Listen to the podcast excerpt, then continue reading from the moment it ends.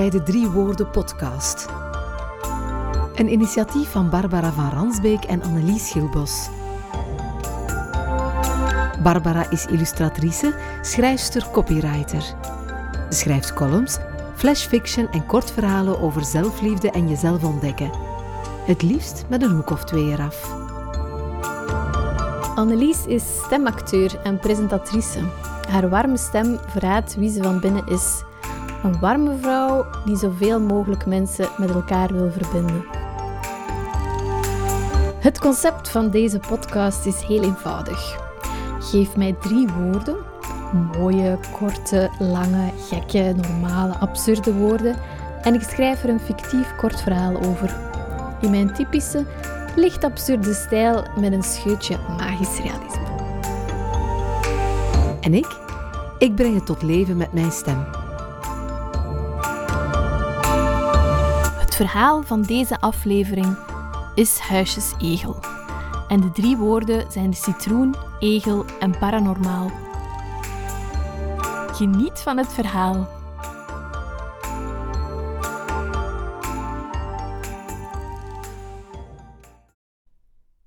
Ik had het nooit mogen vertellen aan mijn collega's. Maar die kerstfeestjes, met al die glaasjes prosecco op een nuchtere maag en die obers die maar blijven bijvullen en bijvullen, zijn er volgens mij om gemaakt om je loslippiger te maken.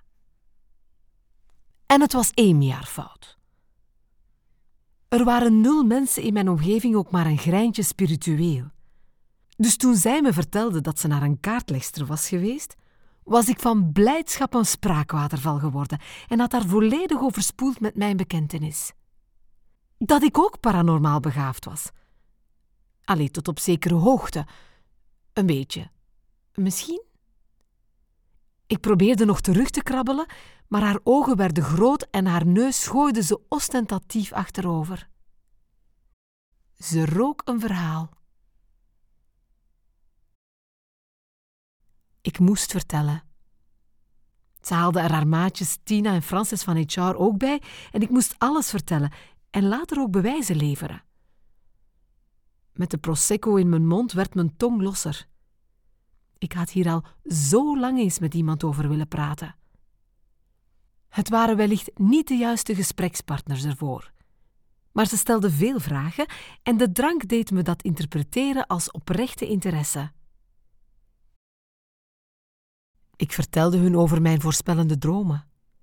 Die keer dat ik een geest zag voorbijvliegen in mijn kamer.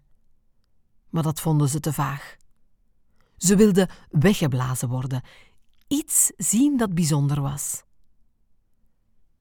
Dus deed ik het spelletje waar ik met mijn nichtje van vijf tijdens het babysitten op had zitten oefenen. Iemand tekent iets op een papier en ik kan zeggen wat het is. Meteen werden er servetjes betekend en kunstwerken met bik geblauwd op wit. Al bij die eerste keer voelde ik me gebruikt. Ze hadden geen idee hoe lang ik hierop had moeten oefenen. Niet overdonderd worden door de ogen op mij gericht. In enkele seconden naar mijn diepe meditatieve toestand gaan, me focussen op het blad, me inleven in de persoon en dan letterlijk het zien. Me openstellen om de citroen of wat dan ook te kunnen zien. In dit geval een hondje met een grappig hoedje op, een banaan en een notenbalk met hartjes voor noten. Mijn collega's waren onder de indruk. Ze toonden me hun tekeningen, maar in tegenstelling tot hen had ik geen bewijs nodig. Nee, onzeker was ik er niet over. Ik voelde me eerder leeg. Vooral omdat er vanaf dan elke dag wel een collega aan mijn bureau stond met een tekeningetje. Ik snapte niet dat ik mezelf constant moest bewijzen. Alsof je aan een rekenwonder de hele tijd moeilijke sommen zou geven. Of een wasproduct voor elk wasje zou testen op een klein stukje stof. Op een bepaald moment moet je vertrouwen dat er vreemde dingen kunnen. Dat de ene mens meer ziet dan de andere. Dus begon ik te liegen om van al die servetjes met tekeningen en vooral de lege praatjes af te zijn. Ik was nogal op mijn privacy gesteld en die werd steeds onderbroken door het kunstje dat ik moest opvoeren. Ik was een poedel op een strandbal.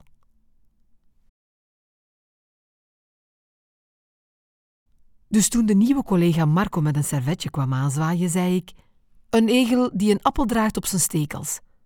Terwijl hij een huis droeg, als een huisjesegel. Een klein huis met een ruitjespatroon en een krulletje rook uit de schoorsteen. Hij had talent.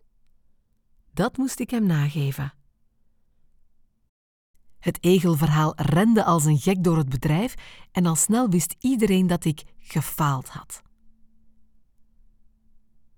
Mijn collega's lieten me langzaamaan met rust.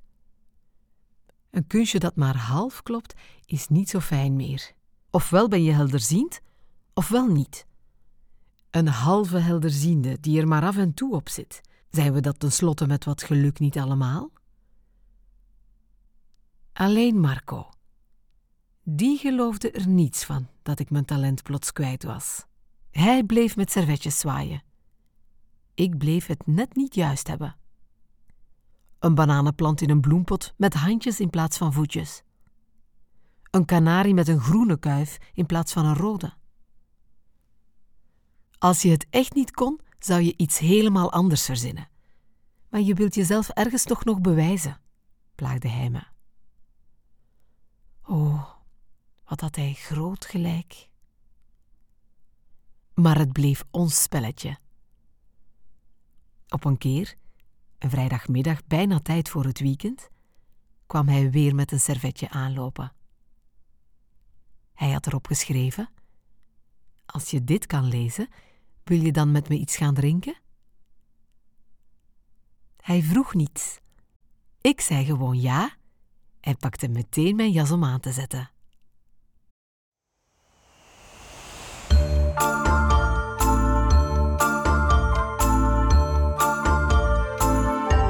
Dankjewel Naomi Geens voor de drie woorden van deze aflevering. Citroen, egel en paranormaal. Wil je zelf drie woorden in een verhaal zien veranderen? Stuur een mailtje naar driewoorden.gmail.com of stuur ons een berichtje via Instagram. Vind je onze podcast heerlijk en wil je ons steunen? Dat kan. Schreeuw het van de daken, deel onze verhalen of laat ons samen een koffie gaan drinken.